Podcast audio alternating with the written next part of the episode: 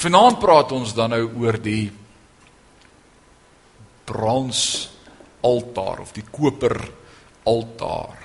Alraait. Ons het laasweek afgesluit en ek wil dit vanaand vir jou verfris want dit is bitter bitter belangrik dat hierdie twee dinge by jou sal bly vir die res van jou lewe. Ons het vir mekaar gesê toe ons praat oor die voorhangsel dat daar twee moenies is. Twee dinge is wat jy nooit nooit nooit moet toelaat in jou lewe oor die voorhangsel nie. Kan jy dit onthou?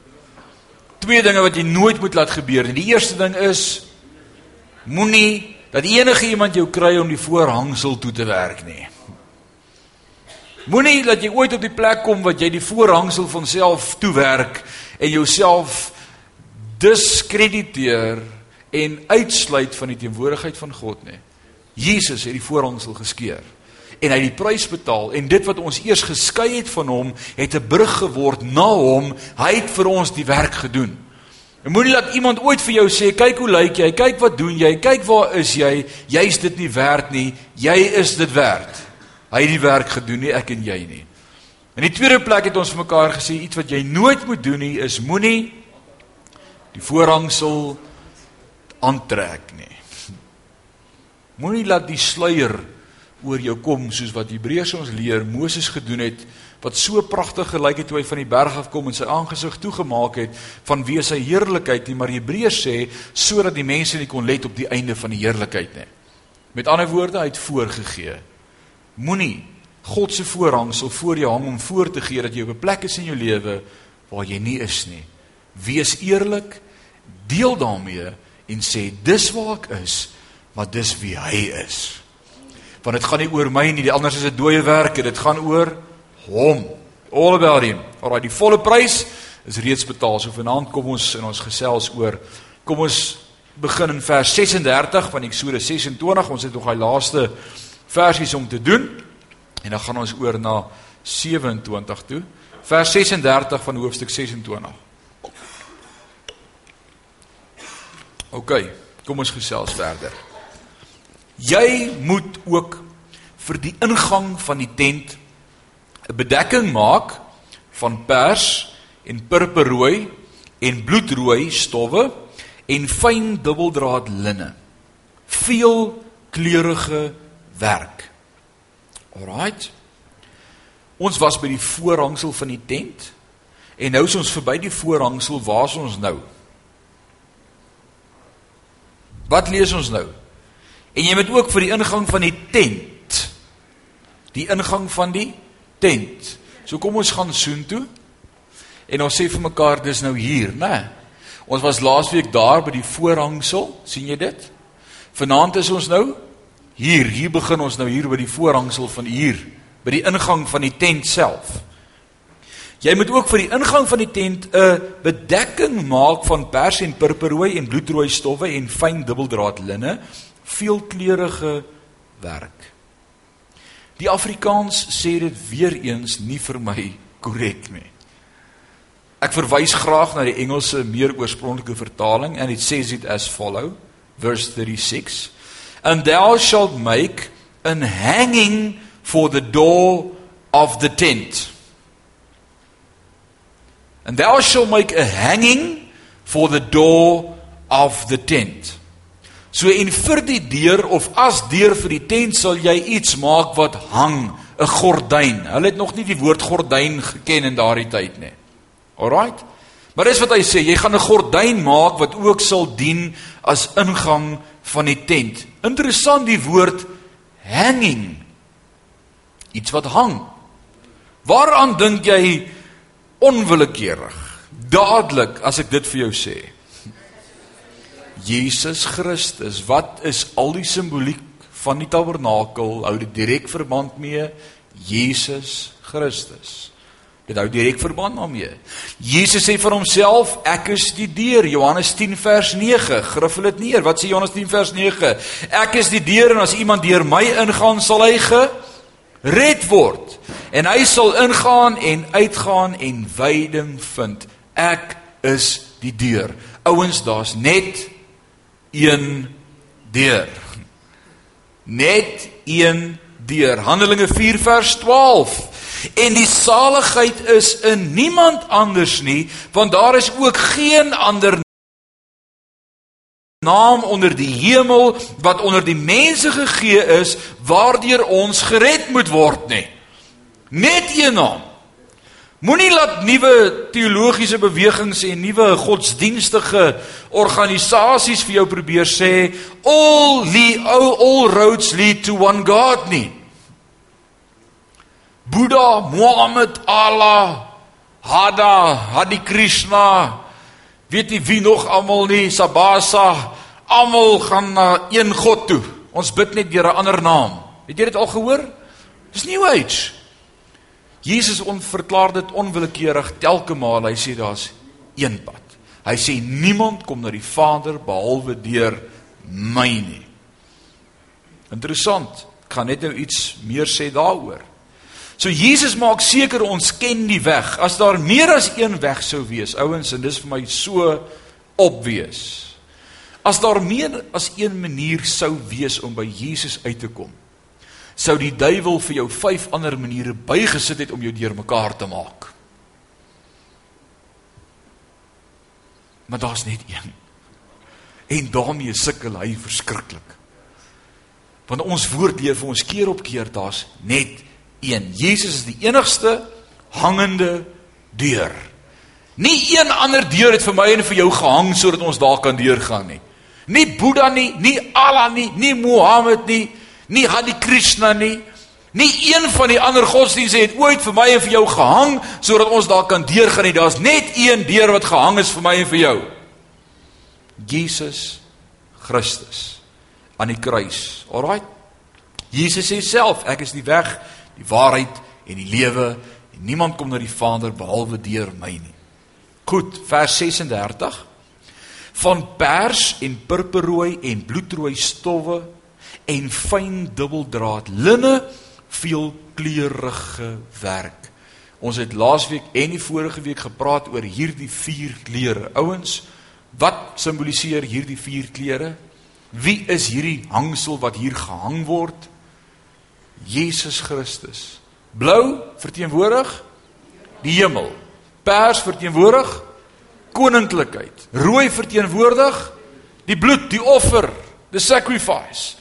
En wit greinheid sy geregtigheid. Christus is ons geregtigheid. Alraight, hierdie vier kleure.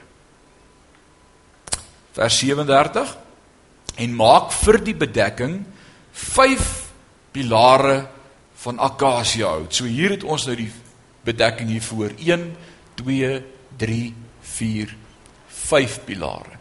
So as jy kom by die tabernakel, is hierdie bedekking of hierdie gordyn hang aan 5 pilare. Wat spring uit as ek vir jou sê 5? Grace. Dankie Lidie. Grace, genade. Grace. As ek vir jou sê 5, is dit altyd die simboliek van genade, God se genade, grace. Dwars deur die Bybel, 5 grace. En maak vir die bedekking 5 pilare van akasiëhout en trek hulle oor met goud. Hout, goud, wie's dit? Jesus Christus, 100% vlees, 100% God. Hout met goud. As dit net hout was, was dit ons. As dit net goud was, was dit God die Vader. Jesus word verteenwoordig deur hout met goud. Hout met goud. Alraight. Hulle kramme moet ook van goud wees en jy moet daarvoor 5 koper voetstukke giet. Elkeen van hulle staan in 'n koper voetstuk. Wat beteken koper dwars deur die Bybel? What's the meaning of copper throughout the Bible? Oordeel van God, die oordeele van God. Het Jesus die oordeel wat op my en op jou moes kom op hom geneem?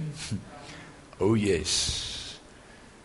Jesus se genade vir my en vir jou.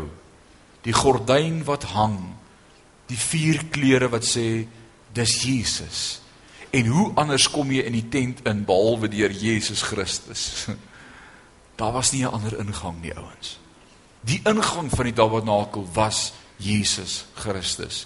Die voorhangsel was Jesus Christus. Hou dit in gedagte. Alraight. Ons kom net nou by iets nog baie groter, maar kom ons gaan aan. Jesus hang genade dis die deur in Efesiërs 2 vers 8 sê dit vir ons en ons het twee weke terug dit ook behandel want uit genade is jy gered deur die geloof. Waar kom die geloof vandaan? Is dit iets wat jy besluit het ek dink ek sal nou maar glo? Hy sê en nie dit uit jouself nie, dis 'n gawe van God, nie uitwerke nie sodat niemand van ons kan roem nie. Jy het gedink, jy het geglo, hy het vir jou gesê is nou tyd om te glo. Niemand kom na die Vader as God hom nie trek nie. Alraight, ouens, beautiful. Nou kom mense en hulle sê grace, grace, grace. Ons raak nou moeg vir grace. Dis net genade, genade, genade. My genade, is dit alwaaroor jy kan praat. Genade, genade, genade. Wat waar's die werke? Waar's die verantwoordelikheid wat op julle rus? Ek het gedink ek gaan begin sit, maar ek kan wragties nie sit nie. Ek is nog nie so oud nie. Waar's die werke? Waar's die verantwoordelikheid wat op Christene moet rus? Ek bedoel, nou dat jy deur genade gered is, nou moet jy iets begin doen. Is dit nie so nie? Nou wanneer preek julle dit? Al wat julle die hele tyd vir die mense sê, is genade, genade, genade. Genade is goedkoop. Rarig? God se genade? God se genade. Ons sê lê nou 'n bietjie verantwoordelikheid op die skouers van die mense en hulle maak genade goedkoop en sê ons spreek 'n goedkoop evangelie. Wanneer lê ons dan nou die las op die mense om te sê wat is hulle verantwoordelikheid? Ouens, ek wil die volgende stelling maak vanaand: genade is nie goedkoop nie. Dis net verniet. Maar daar was 'n hengske prys wat daarvoor betaal is. Jesus het moes sy alles gee. En dis genade. Genade is nie goedkoop nie. Dis net verniet. Verniet vir my en vir jou. Ek en jy kan niks doen om dit te kry nie, maar dit het 'n prys gekos. Jesus moet sy godheid verlaat, mens wees, onder ons kom woon het vir 30 jaar, een van ons geword. Hy wat sonde nie geken het nie, het sonde geword. Ons gaan dit sien vanaand. Ons sondelas is op hom geneem. Hy's vir ons gekruisig en hy het vir ons die prys betaal. Dit was 'n duur prys. En weet jy, ek en jy moes daardie prys betaal het. Ek dank God vir sy genade. Ek dank God vir sy genade. Alraight. Hoofstuk 37. Kom ons blaai om. Great, ons vorder. 827. Ons skiep 10. Hoofstuk 727. Exodus 27. Nou beweeg ons na die voorhof op die binnehof. Right, kom ons maak eers so. Daar kan julle mooi sien die prentjie en ons is nou be beweeg. Ons was in die allerheiligste. Ons het gepraat oor die voorhangsel. Ons het gepraat oor die heilige gedeelte. Ons het nou net gepraat oor daardie uh, gordyn of daardie deur wat hang en nou kom ons bietjie hier in die binnehof, hier buitekant, buitekant die tent gedeelte. Alraight. In die eerste plek moet jy besef dat daardie koper altaar wat reg daar in die middel geposisioneer is, nie net die eerste meubelstuk was wat jy sou sien as jy inkom voor by die deur nie, maar ook die grootste. Ons gaan dit sien vanaand. Van al die meubelstukke was die koper altaar die grootste. Alraight. So kom ons gaan terug na die koper altaar toe. Daar is hy. Kom ons lees hoofstuk 27 vanaf vers 1. Jy moet ook die altaar van akasia hout maak. 5L met sy lengte en 5L sy breedte wees. Vierkantig moet die altaar wees en 3L sy hoogte. Kom ons sê gou in Afrikaans vir mekaar, hoe groot was hy geweest? 2,286 meter by 2,286 meter by 1,372 meter hoog. Kry jy 'n idee? Alraight. Wie is 1,3? Rolien jy? Nee, jy's bietjie hoër. Wie Hoe hoog is 1,3 meter? Dian, hoe hoog is jy al?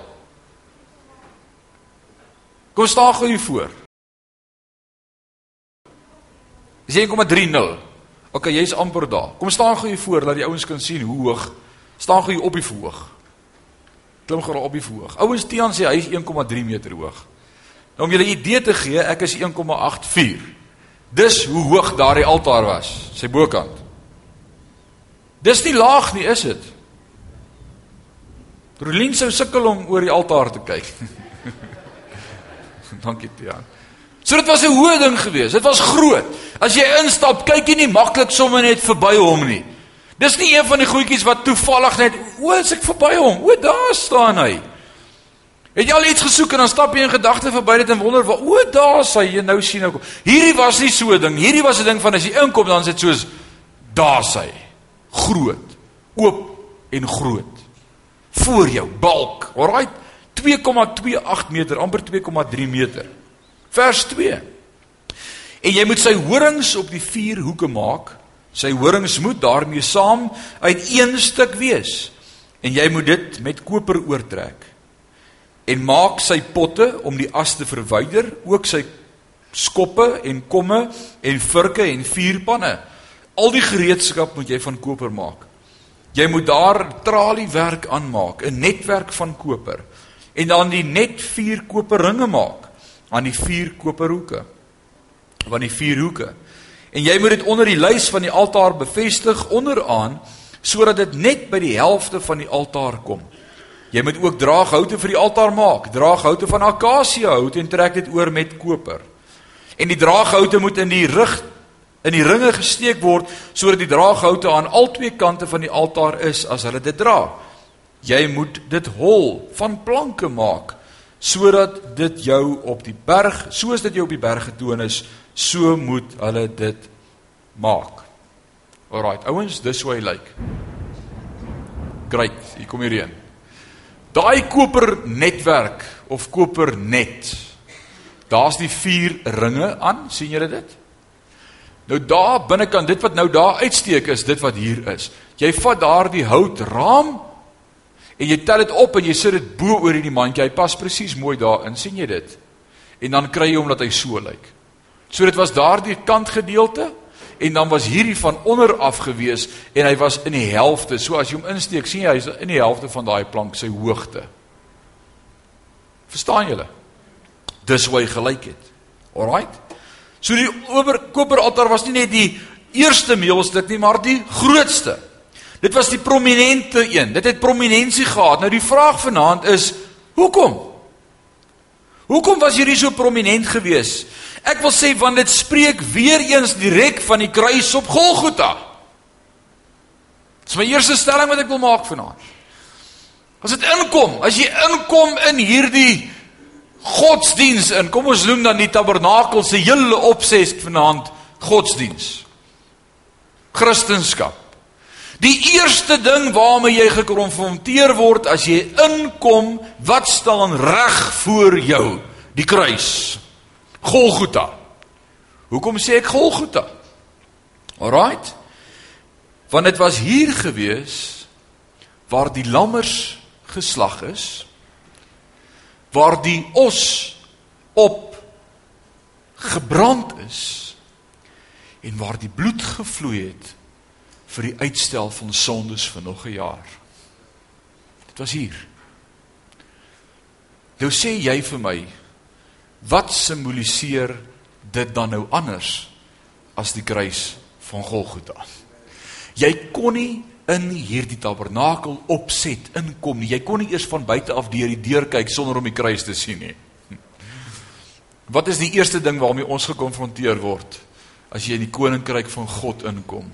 Die kruis van Jesus Christus. Dis die simbool van ons koningskap. Alraai, sy kruis. Kom ons praat verder. Koper. Koper is die metaal van oordeel. Oordeel. Alraai. Kom ons dink. Kom ons dink gaan koper as die metaal van oordeel. En ek wil julle gou twee storieetjies wys in die Ou Testament want elke Nuwe Testamentiese beginsel het 'n Ou Testamentiese storie. Kom ons dink gevraand aan Samson. Kan jy vir Samson onthou? Samson was 'n en 'n baie sterke man was hy nee dit was Saggeus hy klim toe op in die wildvye boom wat soek jy in Samson wat soek jy in Saggeus se boom julle julle ken mos die grafie van die dominee wat gepreek het en hy volpreek van Saggeus in die boom Maar hy Samson die hele tyd en hy Samson en naderhand kom hy agter, o, jemmel, ek praat verkeerd. Hy sê en Jesus kyk op en hy sê Samson, wat soek jy in Saggeus se boom? Samson, sterk ou. Raak verlief op hierdie girl van die Filistyne. En haar naam was Delilah. Delilah, pragtige girl. Raak mal verlief op haar. En eintlik begin hy te speel met sy kragte en dan steek hy dit weg en dan sê sy, "Waar lê jou kragte?" Dan sê hy, "Man, my krag lê hier." Of as jy my hare met sewe vlegsels vleg en dan vaskap met sewe penne, dan dan is my krag weg. En dan ruk hy los en dan verslaan hy hulle weer. Dan's daar 100 dood. En dan sê hy weer dit en hier by die derde keer rond toe sê hy vir Dis my hare. Maar as jy dit afsny, dan sal ek kragteloos wees. Hy gee homself weg. Hy verkoop sy salwing, hy verkoop sy roeping vir 'n girl. So baie ouens het hulle roeping verkoop vir 'n girl. Die duiwel vang ons altyd met daai triek ouens. So baie jong mense se lewe is gevang met 'n girl vir ou. Right. Toe sy weer vir hom sê die Filistyne is op jou, toe spring hy op en hy staan paraat want die woord van die Here sê want hy het nie geweet dat God se gees van hom gewyk het nie. So baie mense staan nog regop, maar hulle weet nie dat God se gees van hulle gewyk het nie. En toe hy hulle wil begin verslaan, toe kom hy agter hy kry nie eers die eerste een omgestamp nie. Wat nog van dood geslaan. En hulle vang hom en hulle oordeel hom omdat hy soveel honderde En ek kan letterlik sê duisende Filistyne doodgeslaan het. Onthou julle die geval met die leeu met die esel skakebeen en hy het duisende sommer verslaan op een slag. Hy het hulle moeg gemaak, het hulle afgemaai en hulle vang hom en hulle oordeel hom. En wat doen hulle met Samson? Wat hoe bind hulle hom vas? Met koper ringe om sy arms en sy voete. Koper is die metaal dwars deur die Bybel van oordeel. Ek dink aan 'n ander baie sterk groot lang Filistyn. En toe tel Dawid vyf klippies op en ek sing van Goliat. En hy gooi die reus teen sy kop. Daardie dag toe Goliat sy uitrusting aantrek Toe sit hy op sy kop leer die woord my 'n koper helm. En hy bring die oordeel van God vir daardie dag oor homself en hy sê vandag word ek geoordeel. En hy was te lig bevind. En Dawid slat hom op daai ou gaatjie tussen die oë met 'n klip. En die oordeel van die Here straf hom met die dood. Koper is gelyk aan oordeel dwars deur die Bybel. Hierdie hele altaar was van koper. Alles koper. Dit was op Golgotha dat God sy oordeel oor ons op Jesus Christus geplaas het. Skree net iemand, "Wow." Is dit nie so nie? Al die oordeel, alrite, is daar op hom gesit oordeelsdag. Nommer 21.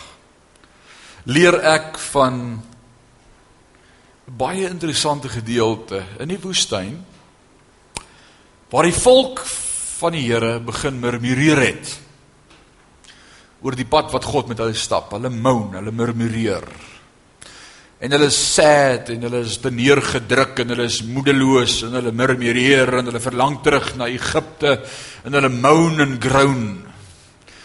En God raak kwaad. Sê jy ooit as pa vir jou laaitjie gesê as jy nie nou ophou huil nie, gaan ek vir jou iets gee om oor te huil. Ek het ek het gister weer dit gedoen. Jy het al jou kind gesê? As jy nie stop nie meer, gaan ek vir jou rede gee. Baie sê tannie Linda. Wil dit net op die CD opneem, tannie Linda. Baie. Dis nie net ek wat dit doen nie. Ouens, ons doen dit almal. En hier in hierdie gedeelte in Nummer 21 sien ek presies dieselfde. God se volk loop en moan en moan en moan en moan en moan en God sê as julle nie nou ophou moan nie, gaan ek vir julle iets gee om oor te moan. Dis iets van die Vaderhart van God wat in my en jou is as ons op met ons kinders so maak. God het ook so gemaak met sy volk. En toe gee hy vir hulle iets om oor te moan. Wat gebeur in Nummer 21? Ons sien hoe daar allerlei giftige slange gekom het, vuurige slange. En die mense begin byt het en hulle het begin doodgaan. En toe moan hulle eers. Hulle is besig om dood te gaan. Alraai. En hulle moan, toe moan hulle. Hy sê maar ek het mos vir julle gesê gaan vir julle iets gee om oor te moan as julle wil moan. Nou kan julle moan. Hulle moan. God praat met Moses en hy sê vir hom: Maak 'n koperpaal. 'n Lang koperpaal. En dan maak jy 'n koperslang.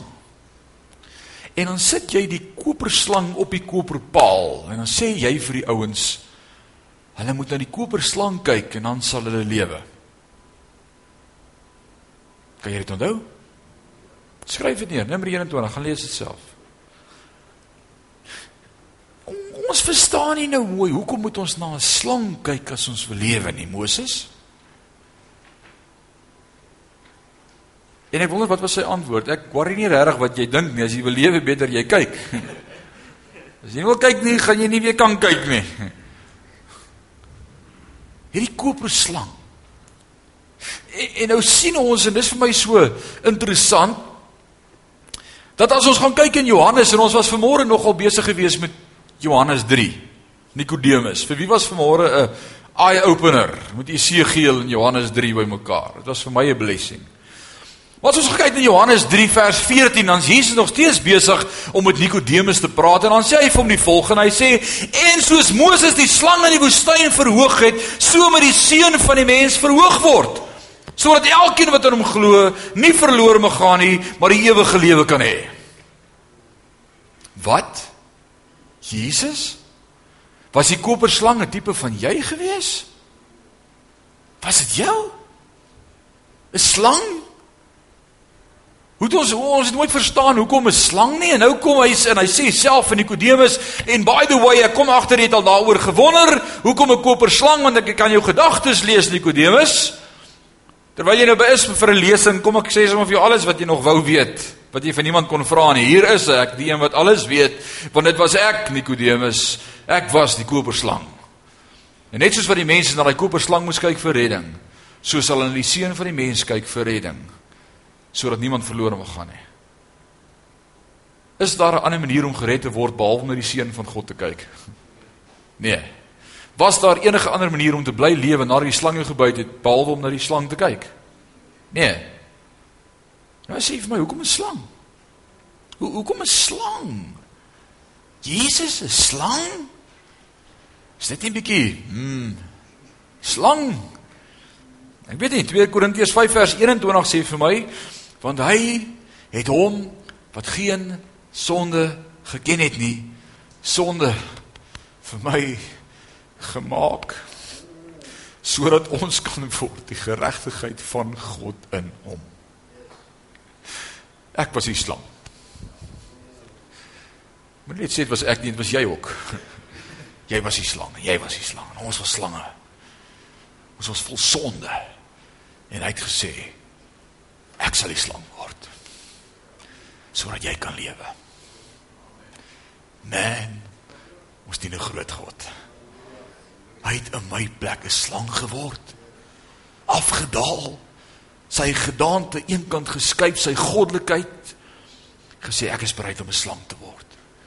En reeds in die Ou Testament en Eksodus lees ons al in Numeri lees ons al die plan van die einde af was van die begin af bekend. Hy het nie net op 'n dag gesê, "Oké, okay, hier was nou genoeg mense, nou gaan ek nou maar hier gaan ek nie." Nou hy, dit was van die begin af sy plan. Van die begin af. Voordat hy die tabernakel vir hulle gegee het af. Van dit Genesis 5 se bloedlyn al geskryf is met die naam het al gesê and from above one will come righteous to bring unto us life and life in abundance. Van die begin af was dit sy plan gewees. So daarom as jy ingekom het by hierdie voorhangsel of by die deur, was die heel eerste ding wat jy in vaskyk en gekonfronteer word weer is die koperaltaar.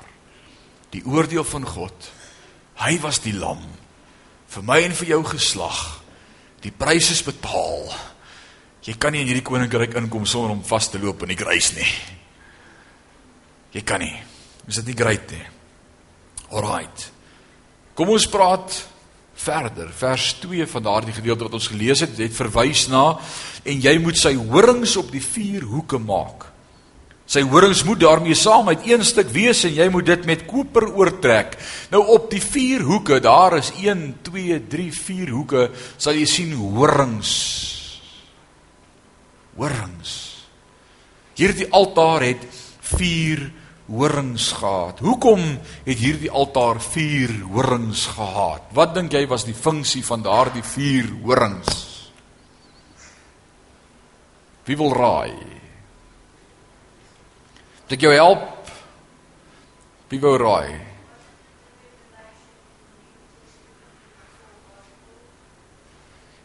it can reflect the full gospel. So I didn't get that when I was preparing for tonight. Wat sê jy is die vier hoings?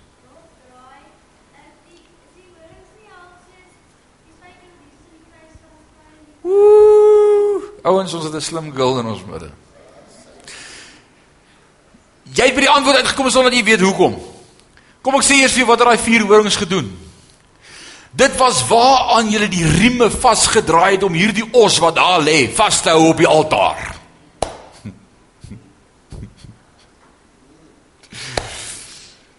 As jy daai groot dier daar neergesit het. Onthou hy was nog nie dood as jy hom opgetel het nie. Dit was lewende gewig.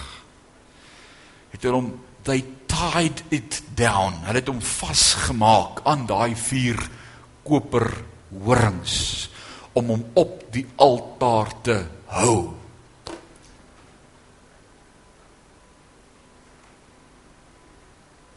Wow. Wat het Jesus aan die kruis vasgehou? Kom ek lees eers vir jou iets en dan praat ons daaroor. In Johannes 18, daar is vier evangelies ouens en ek het iets geleer as jy iets in 'n evangelie lees, gaan soek dit in die ander 3 want jy gaan iewers 'n groter prentjie sien as wat jy gesien het. Ek moes hierdie gaan verifieer dit vir myself en vir myself sê van Sandwyk jy het nog nooit hierdie raak gelees in die Bybel nie. Ek wil dit vir jou lees vanaand. Johannes 18 vind ons die gedeelte waar hulle Jesus kom gevange neem in Getsemane. Ons ken die storie. Ons het dit al hoeveel keer gelees, is dit nie so nie? Het hulle Jesus gekom in die nag en wie het hom 'n soen gegee en gesê hallo Judas sodat die ander sou weet hoe lyk Jesus. En toe wil hom gevange neem en toe wat doen Petrus? Hy word kwaad en hy ruk sy swaard uit en hy kap sy oor af. Wie se oor? Malchus. Hy's mal en hy kap sy oor af. En Jesus sê vir hom nee nee nee nee nee nee, dit werk nie so nie. Hy druk sy oor vas.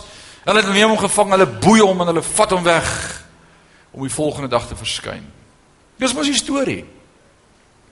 Maar wat sê Johannes 18? En ek lees dit vir jou in die korrekte vertaling, die Engelse vertaling. And I read from verse 4. Jesus, therefore, knowing all things that should come upon him, went forth and said unto them, Whom seek ye? Hier kom hierdie gevolg, hierdie geselskap na hom toe en hy weet presies alles, hy's God. En hy sê, Whom seek thee? They answer him, Jesus of Nazareth. And Jesus said unto him, I am he.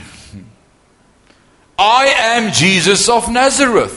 So al wat hy antwoord is I am he. Wat gebeur volgens Johannes? Enigste evangelie wat dit vir my en vir jou sê.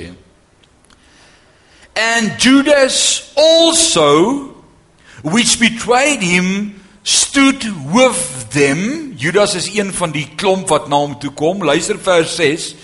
And as soon as he had said unto them, I am he, they went backwards and fell on the ground. Wat lees jy nou vir ons? Ek weet nie dalk moet ek dit weer lees dat jy klik wat ek klik. Jesus staan daar en hier kom hierdie bende om hom te kom arresteer. En Judas is een van hulle en al wat Jesus sê is I am he. En hulle val almal agteroor op hulle rug.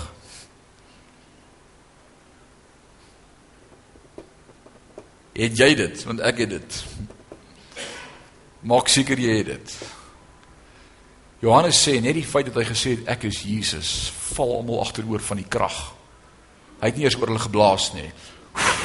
Hy het net gesê I am he. Doef, val almal agteroor. Staan dit in jou Bybel? Regtig ouens, ek preek net die Bybel. Ek preek my eie storie nie. Ek moet mooi gaan check dit wat staan daar. So ek wil die volgende stelling maak. Jesus het homself oorgegee omdat hy geweet het wat moes kom. Maar hy wou net vir hulle wys, dis nie hulle wat so sterk is nie. Hy gee homself. Die woord sê hy het sy lewe gegee. Anders kon die woord sê hy het sy lewe gevat. Niemand vat Jesus se lewe nie. Hy het dit gegee. Hy was nie in 'n hoek gedruk deur Judas en hierdie klomp Filistyne wat hom wou kom haal nie. Ooh, daai het hulle hom nou. Nee, hy wys eers vir hulle wie is God en hy sê I am he. Val almal agteroor en hulle staan weer op sê die woord en hulle kom weer by hom en sê weer en hy vra weer vir hulle tweede keer. Wie soek julle? Ons soek vir Jesus van Nasaret. Hy sê dis ek. Vat my. sien jy wat ek sien? Man, dit is my blessing gewees. Dit was 'n eye opener. Hy sê niemand vat my lewe nie, maar ek sal dit gee. Ek sal dit gee hierso, vat my. So nou wil ek die volgende vra. As niemand Jesus kon vat sonder dat hy dit gee nie, kon hulle regtig Jesus aan die kruis vasmaak as hy nie wou nie. Kon die vier spykers hom regtig aan die kruis hou. Het die vier spykers hom aan die kruis gehou? Wat het Jesus aan die kruis gehou? Matteus 27 vers 38 tot 42, merk dit, is baie belangrik. Matthew 27 verse 38 Toe word daar saam met hom twee rowers gekruisig, een aan die regter en een aan die linkerkant. En die verbygangers het hom gesmaat terwyl hulle hul hoofde skud en sê: "Waar was u wat die tempel afbreek en in 3 dae opbou? Red u self. As jy die seun van God is, kom af van die kruis." En so het ook die owerpriesters saam met die skrifgeleerdes en ouderlinge gespot en gesê: "Ander het hy verlos, homself kan hy nie verlos nie. Ek wil vir jou twee baie belangrike goed hier wys. En dit was vir my so blessing toe ek dit raak sien. Hier staan die klomp skrifgeleerdes, die fariseërs, die ouens wat hom beskuldig het dat hy van Beelzebul wonders doen in die naam van die duiwel. Hulle het hom probeer vasmaak omdat hy op die Sabbat gesond maak. Hulle het hom probeer offer en probeer doodmaak om elke hoek en draai. Hulle het hom gehaat. En ek wil vanaand die volgende stelling maak. Iewerster kom die waarheid altyd uit. Hoor wat sê hulle terwyl hy aan die kruis is. Vers 42. Ander het hy verlos. Hulle wou dit nie sê nie. Hierdie sê vir my they knew all along. Hulle het geweet. sien jy wat ek sien? Hulle het geweet wat hulle doen. Hoor wat sê hulle terwyl hulle aan die kruis is. Roep hulle, hulle sê: "Ander het jy verlos? Hulle sê nie ander het jy getoer of ander het jy in die naam van die duiwel gesond gemaak of ander het jy nee, hulle weet presies wat het hy gedoen. En hier kom die waarheid eventually uit aan die kruis. Hulle sê ander het jy verlos. Maar jouself kan jy nie verlos nie. Nou kom ons wees eerlik vanaand, kon Jesus homself verlos? Ja. Maar Jesus liefde vir ons hou hom op die kruis. Wat sou gebeur as Jesus van die kruis afgeklim het? Ek en jy was verlore. Ek en jy sou dit nie maak nie. Die volle prys sou nie betaal wees nie. Jesus het nie net party verlos in daai tyd nie. Hy het my en jou spesifiek in gedagte gehad en gesê nee, ek gaan nie afklim nie. Want as ek vanaand afklim, gaan Koenie bed nie die koninkryk maak nie. Gaan Delien Thomson, Rinus van Sandwyk dit nie maak nie.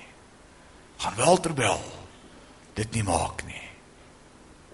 Gaan Domstrydom dit nie maak nie. Hy het jou en my spesifiek in gedagte gehad en op die kruis gebly.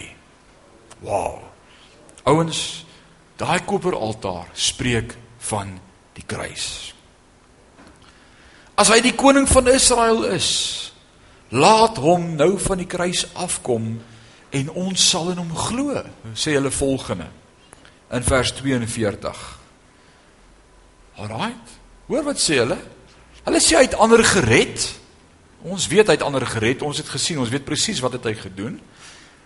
Maar hy kan homself nie verlos nie. As hy die koning van Israel is, laat hom van die kruis afklim en ons sal in hom glo. Sou dit hulle enigsins gehelp het as Jesus van die kruis afgeklim het sodat hulle in Jesus kon glo? Sou hulle geloof hulle dan nog gered het? Nee. Jesus sê julle staan dalk daar en julle glo nie in my nie, maar is alright. Want ek het dit eerder so as wat julle in my glo en dit beteken vir julle niks. Ek gaan die volgende stappie stap. Ek gaan my asem uitblaas en my oor gee sodat julle later gered kan word en nie net kan sê ons het geglo nie. Want jou redding is belangriker as wat jy glo. En daarom sê die woord in Efesiërs 2 en nie geloof van jouself nie maar van God. Dit is 'n gawe sodat niemand kan roem nie want dit is genade. sien jy dit? Hulle was bereid om te sê as u afklim glo ons. Hy het gesê ek worry nie of julle nou glo nie. Ek het 'n ewigheid om vir julle te bewerk. Wow. Alraai. So neem kennis, daar was ook ringe aan die draaghoute. Daar was ringe gewees en die draaghoute was daardeur gesteek. En wat verteenwoordig hierdie ringe en die draaghoute? Hoekom was dit daar gewees? Wat was die praktiese funksie daarvan gewees? Vers 6 en vers 7. Die draaghoute word deur daardie ringe gesteek sodat wat? Sodat hulle dit kon dra. Sodat dit saam met hulle kon beweeg. Ouens, die kruis van Golgotha is nie vanaand stagnant deur iewers in Israel. En as jy wil glo in die kruis moet jy soen toe gaan nie. Nee. Ons bring dit hier by jou. Elke keer as jy jou Bybel oopmaak en met iemand die evangelie deel, is dit by jou. Dis mobiel. Dit word gedra. Hierdie tafel wat ons vanaand hier het en ons gaan vanaand as die Here ons spaar net nou nagmaal gebruik en aansit aan hierdie altaar wat hy vir ons voorberei het. Dis vanaand mobiel. Jy kan dit vanaand hier gebruik. Jy kan dit vanaand by die huis gebruik. Jy kan dit môreoggend aan die kombuistafel saam met jou vrou en kinders gebruik.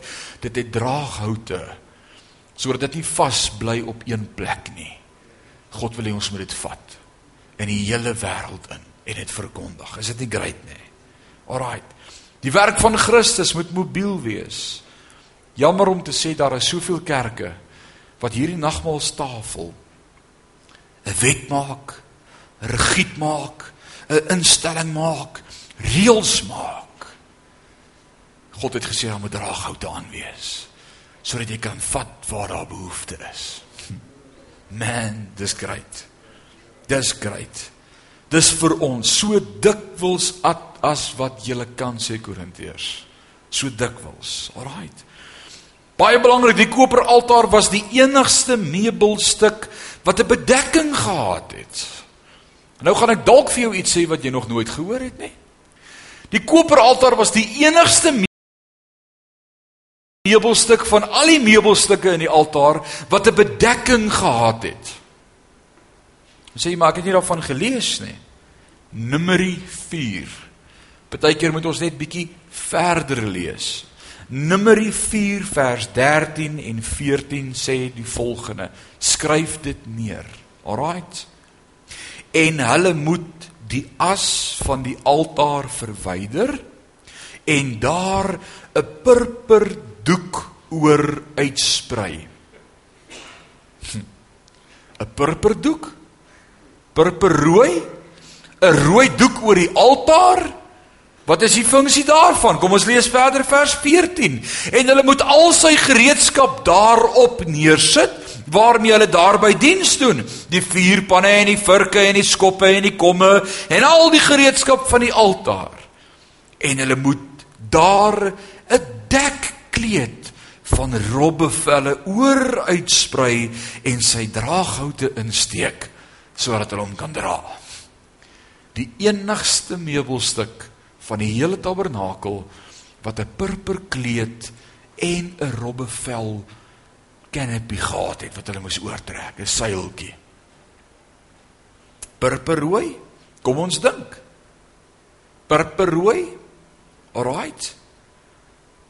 Nou die die Afrikaans se vertalers was nie almal tot 'n matriek op skool nie. Ek ek moet dit vanaand vir julle sê. Die oorspronklike teks sê vir my purple. Lees dit gou in jou Bybel daarso. Numbers 4 verse 13. Who's got an English Bible with them here tonight? Numbers in UM 4 verse 13. Tannie Alinda?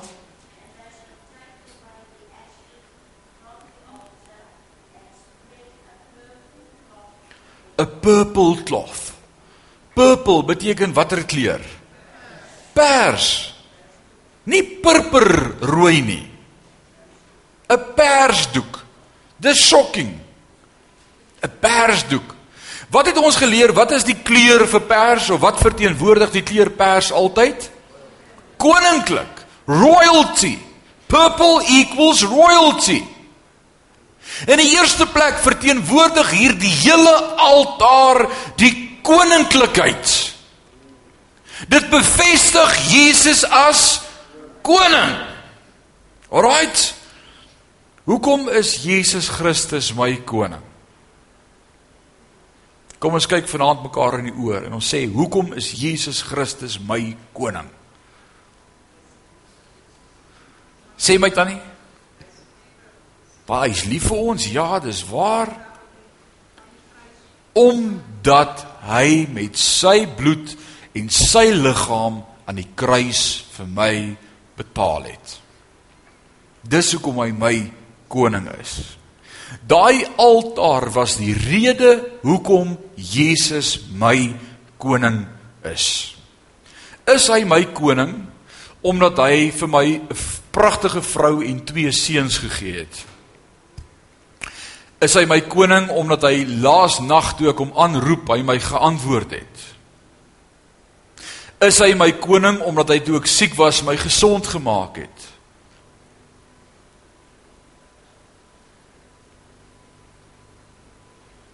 Ouens, hoekom is Jesus ons koning? Want hy het vir ons gesterf aan die kruis van Golgotha. En nou wil ek die volgende stelling maak. Hou vas aan jou stoel, moenie omval nie, moenie my steenig nie. Maar hoor wat ek vir jou sê. Al doen Jesus nooit weer vir my of vir jou enige iets nie. Bly hy my koning.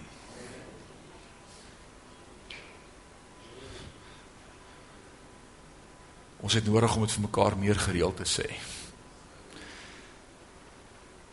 Want ons sê, Here, as U, dan sal ek. As U vir my voorsien, dan sal ek glo dat U koning is. Ouens, Jesus is nie koning omdat hy vir ons A, B en C nie.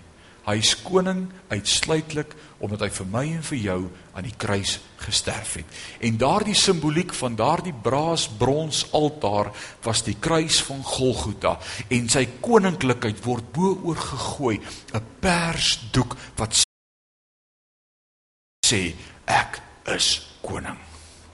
Hieroor, oor hierdie altaar gaan ek koning wees. It's amazing, is dit nie? Dis die rede. Alraight. Die wyse manne. Die eerste offer wat ooit aan Jesus gebring is op aarde. Die wyse manne. Ek wonder, ek dink hulle was wys omdat hulle dit vir hom gebring het. En nie dat hulle dit vir hom gebring het omdat hulle wys was nie. Iemand het dit eendag gesê en dit was eintlik 'n Mercedes advertensie. Wie van julle ry Mercedes'e? Ek kry baie mense wat twee het, maar in 'n geval jy ry agter die badge aan, agter die ster aan mos, né? Daar by nie is is mos die ster. En toe sê hy eendag wyse manne het agter die ster aangery. Vandag nog ry wyse manne agter die ster aan.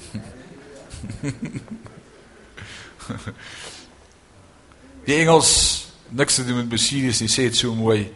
And the wise men served Christ followed Christ. Today, wise men still follow Christ. Jy is dom as jy nie Christus volg nie, ouens.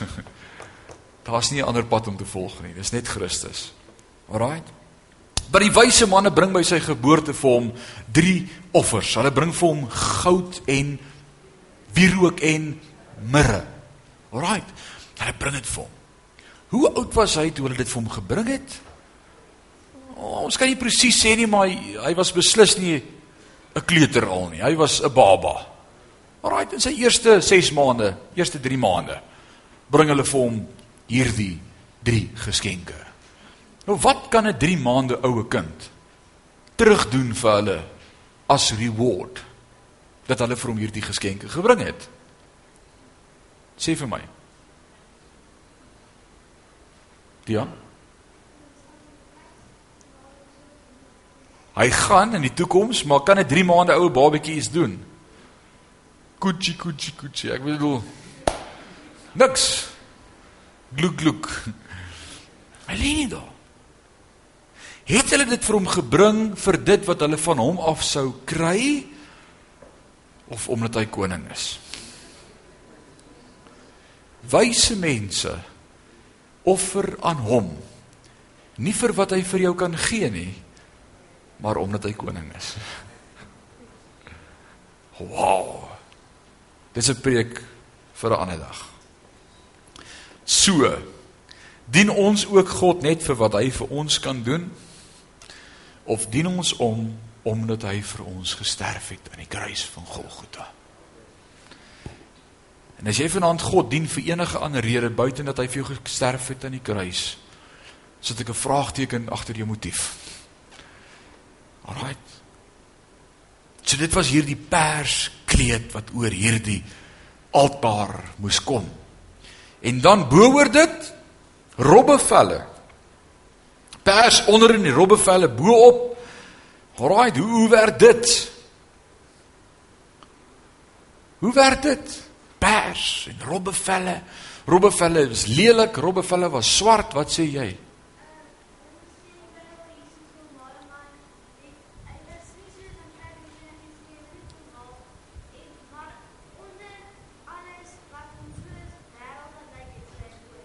Amen. En wanneer ontdek ons hierdie koninklikheid binne in hom? As hy in die kruis sterf. En tog sterf hy in die kruis. Hoor hierdie volgende gedeelte. Jesus sterf aan die kruis, ons het dit nou net gelees. En twee rowers hang weerskante van hom. Twee rowers, twee ouens, twee uiterstes van die samelewing. Dit verteenwoordig twee groepe mense. Alraight. Die een groep sê, "Ha, kyk hoe lyk hy. Hy kan nie eens homself red nie."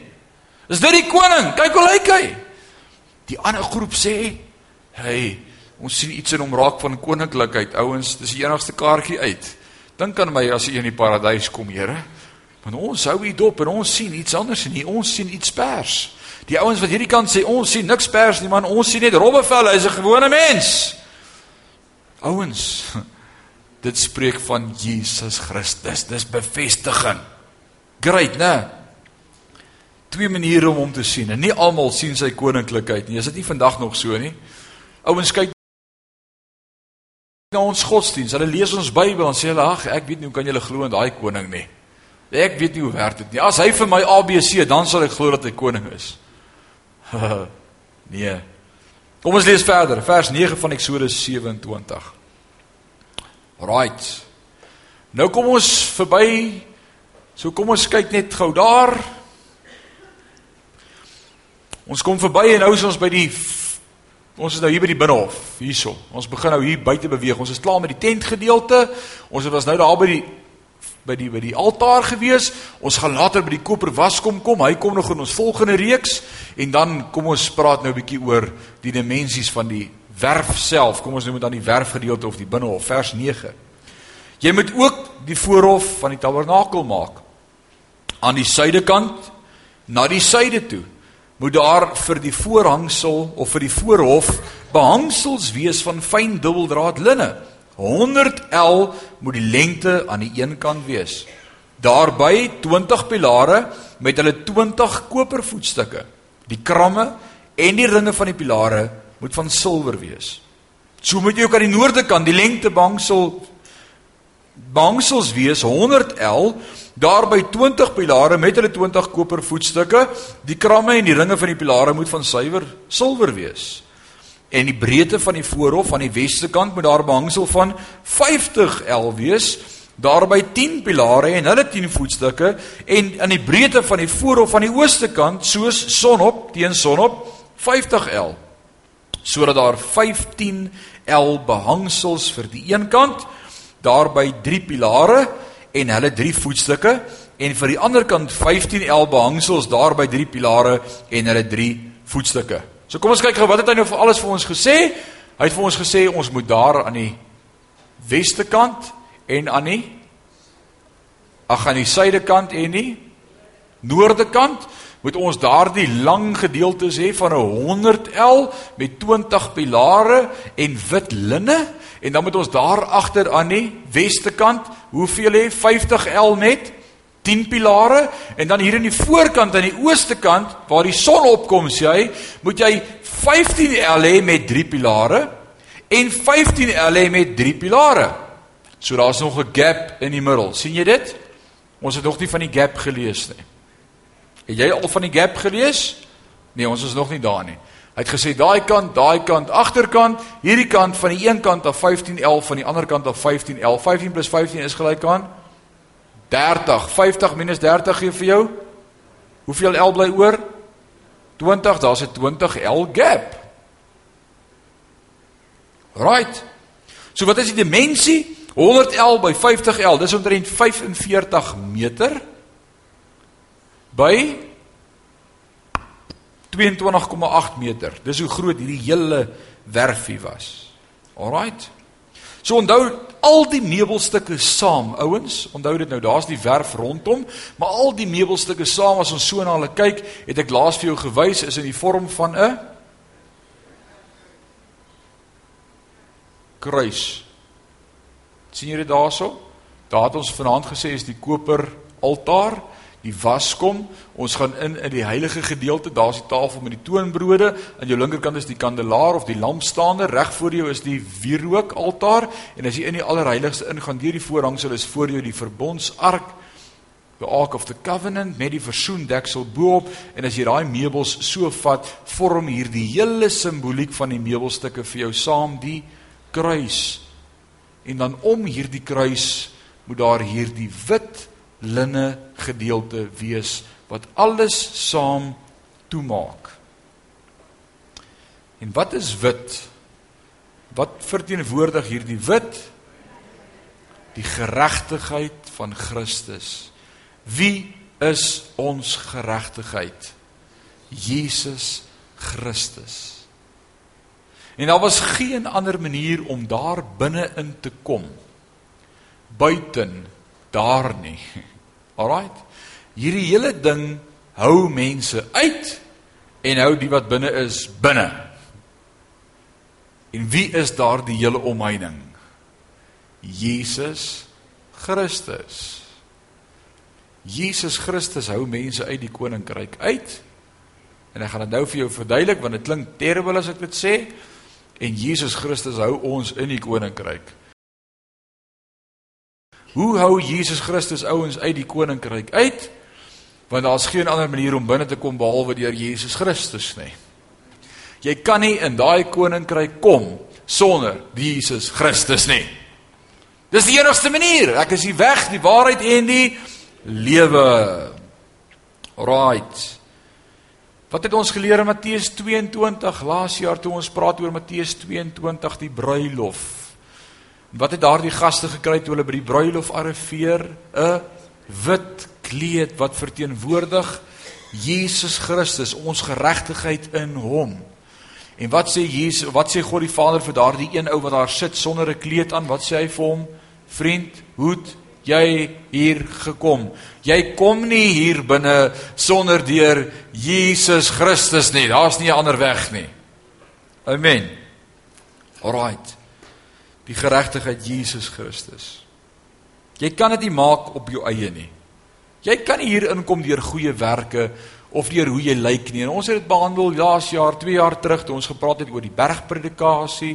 As jy dink jy kan dit maak, gaan lees net Matteus 5, 6 en 7 slag deur en dan sê jy vir my jy's fine. Jy's nie fine nie. Jy het Jesus nodig. Hulle sê maar ons maak nie dood nie. En hy sê o, roem julle daarin, maar julle bedink haat in julle harte en julle haat julle broers. As jy bedrog het in jou hart teen jou broer, is dit so goed soos moord. O, oh, Here, is dit so moeilik? Ons het nog nooit eg gebreek nie, ge, ge, gepleeg nie, eg gepleeg nie of, of gebreek nie. En uh ons roem daarin dat ons nog steeds getroud is met ons vrouens. Jesus sê o, is dit so? Het jy al ooit gekyk vir iemand anders en gewens? Mhm. Mm dis so goed jy het geskei. Jesus, maar is dan moeilik. Wie kan dit maak? Matteus 5 vers 40 sê as julle wil heilig wees, beter julle heilig wees want julle Vader in die hemel is heilig. En eintlik moet hulle vir mekaar gesê daar's nie 'n manier dat ons dit kan maak nie. Hoe gaan ons dit dan maak? Jesus Christus. Raai die enigste manier wat ons dit kan maak. Ek sê ons oog gefokus op Jesus Christus, die leidsman en die volëinder van ons geloof. Dis net Jesus. Alraai. Interessant. As jy nou daardie tabernakel gedeelte sou inbeweeg, sien jy voor jou hierdie koper altaar, die koper waskom. Jy sien die pragtige tent. Om jou is hierdie spierwit linne doeke. Jy beweeg in in die heilige gedeelte en as jy opkyk, sien jy net engele. Jy stap deur hierdie vuur kleurige hek of poort of deur om in te beweeg in die heilige in wat verteenwoordig Jesus. Dis bright, dis colorful, dis mooi. Binnekant is dit blink. Dis hierdie kant die tafel met die toonbrode, hierdie kant is dit die goue kandelaar of lampstaander voor jou is dit die lamp of die wierook altaar. Jy sien voor jou die voorhangsel vol engelgesigte wat vir jou kyk. Jy stap deur die voorhangsel en voor jou is die allerheiligste. Daar staan die verbondsark met die versoendeksel met die geurubs en alles is pragtig. Alles in die tabernakel is pragtig. Behalwe behalwe. Behalwe waar? Behalwe as jy afkyk. Wat sien jy as jy afkyk? Grond sand bossies klippe stof vuil. Wanneer jy afkyk sien jy nie die simboliek of die beeld van Jesus Christus raak nie. Wat moet jy doen om dit te kan sien? Opkyk. Ouens, jy kan nie dit sien as jy afkyk nie. As jy neerkyk op vuils. Jesus gaan sit een aand om te eet. En hy kyk af en hy sien 24 vuil voete. En hy sê nee genade, so kan 'n mens nie eet nie. En hy staan op en hy vat 'n waskom. En hy vat sy boekleed en hy roep sy disippels en sê kom hier dat ek tog julle voete was voor ons eet. Julle is vuil. Hulle sê Here, u kan nie ons voete was nie. Ons moet u voete was. Hy sê luister. As jy weet wat hierdie beteken, sou jy nie net dat ek jou voete was nie. En hy sê Here, maar was nie net ons voete nie, was om ons hele lyf en hy sê jy verstaan nie wat jy sê nie. Kom en hy begin hulle voete was. En toe gaan sit hy aan die tafel en hy sê kyk op. Ouens, ek wil die volgende stelling maak as dit kom by die tabernakel. As jy jou oog afgehou het en gekyk het na wat vuil is, sou jy God nie raak sien nie. En ek wil vandag vir jou sê in jou geestelike lewe, ongelukkig is daar om jou mense. Kyk net so 'n bietjie om jou rond. Nie een van ons is hier op sy eie nie. Iewers gaan jy terug na huis toe waar daar mense is. Iewers werk jy tussen mense. Iewers het jy familie. Iewers is jy deel van 'n groep mense. En as jy jou oë gaan hou op mense se swakhede, gaan jy nie Christus in sy volheid kan sien nie. Jy kan nie. Jy kan nie. As ons wil let op mense se swakhede, gaan ons Christus mis. Kom ons gaan aan, vers 16 van Eksodus 27. En vir die poort van die voorhof, dis nou daai heel voor, hier kom ons nou hier heel voor hier buitekant vir die poort van die voorhof 'n bedekking van 20L. Ons het mos gesê daar bly 20L oor, né? 15 + 15 is 30, 50 - 30 is 20 en hier kom hy nou by daai 20L van pers en purperrooi en bloedrooi stowwe en fyn dubbeldraad linne. Veel kleurige werk.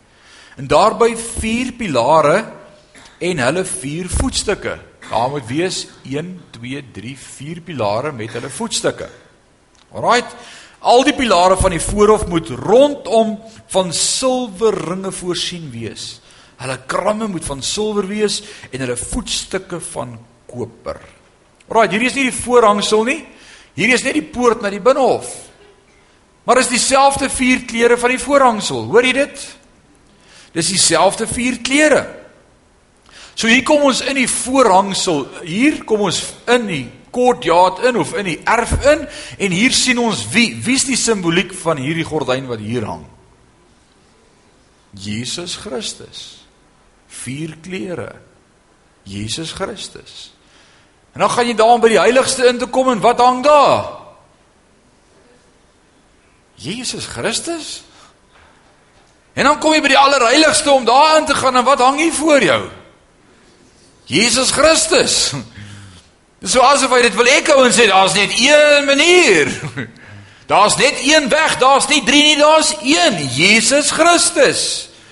In die voorhof wat praat van verlossing. Hoe kom ons by verlossing uit buiten Jesus Christus?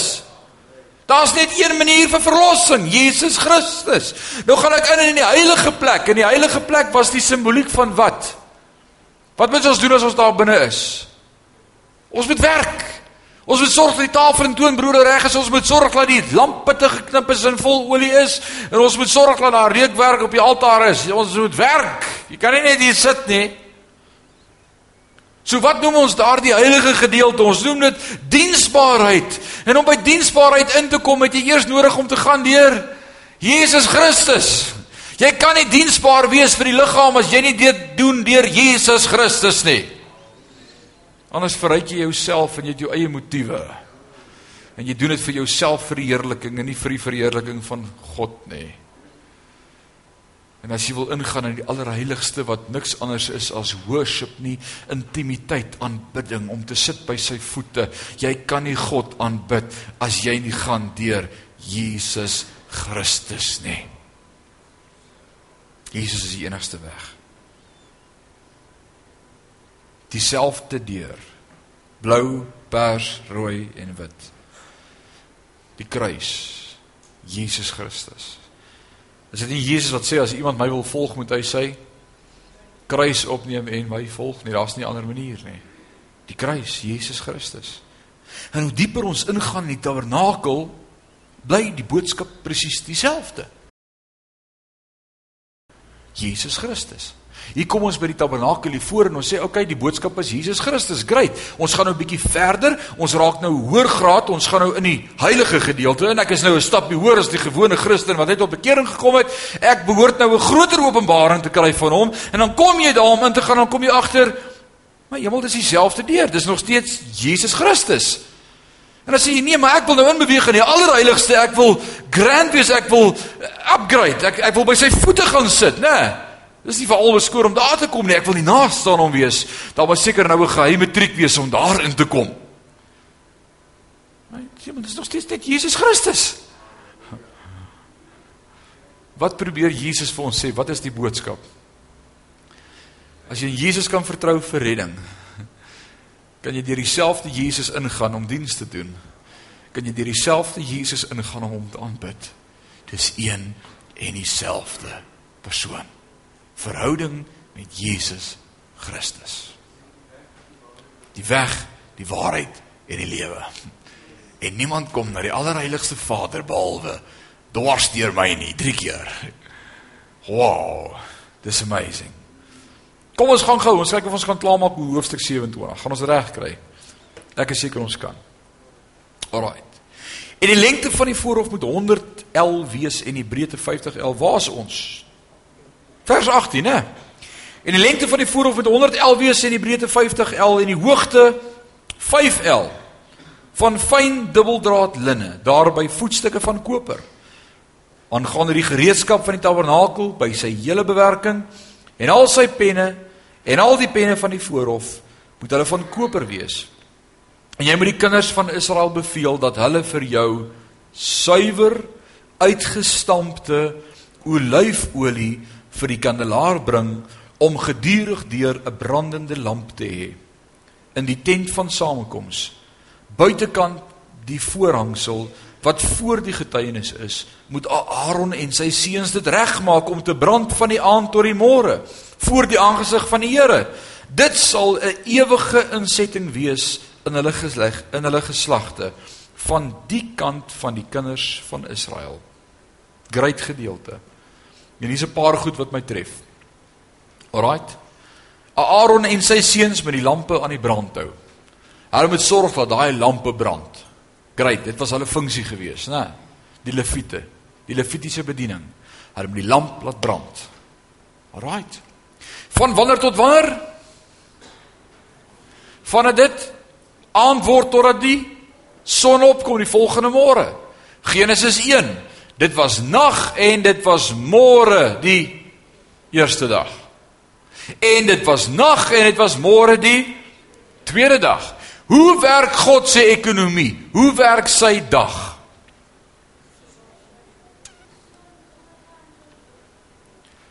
Eers donker en dan lig. Dink vir 'n sekond daaroor. Dis eers donker en dan word dit lig. Wat beteken dit?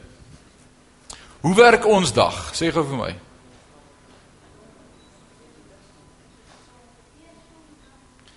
Dis eers skyn die son en dan word dit donker. God sê, "Uh uh. Jy begin by donker en dan word dit al hoe ligter en ligter en ligter." Want as God in jou lewe kom, draai hy dinge om. Net net net ons stupid mense het gesê net dit word eers lig en dan donker. God sê nee, jy was donker en toe bring ek lig. God se hele ekonomie werk andersom. Dis great.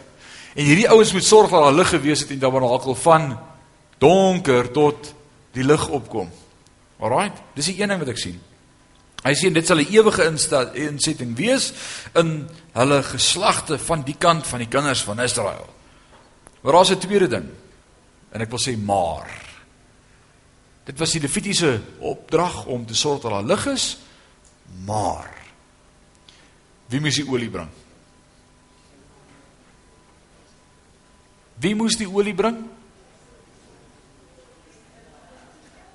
Wat het ons gelees? Wie moes die olie bring? Vers 20.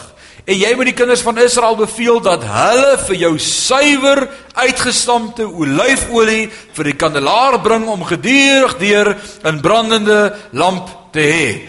Wie se funksie is dit om te sorg dat daar olie is in die huis? Dit. Ons. Wat verteenwoordig die olie? Heilige Gees of die salwing, die olie. Alraight.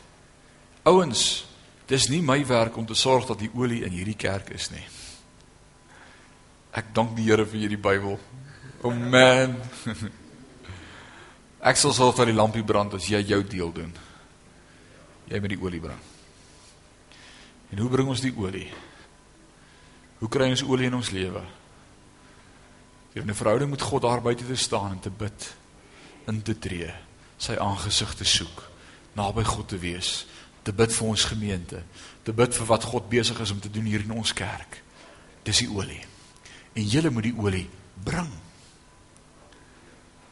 Wie sal die olie laat brand as nie een van julle vanaand opgedaag het nie?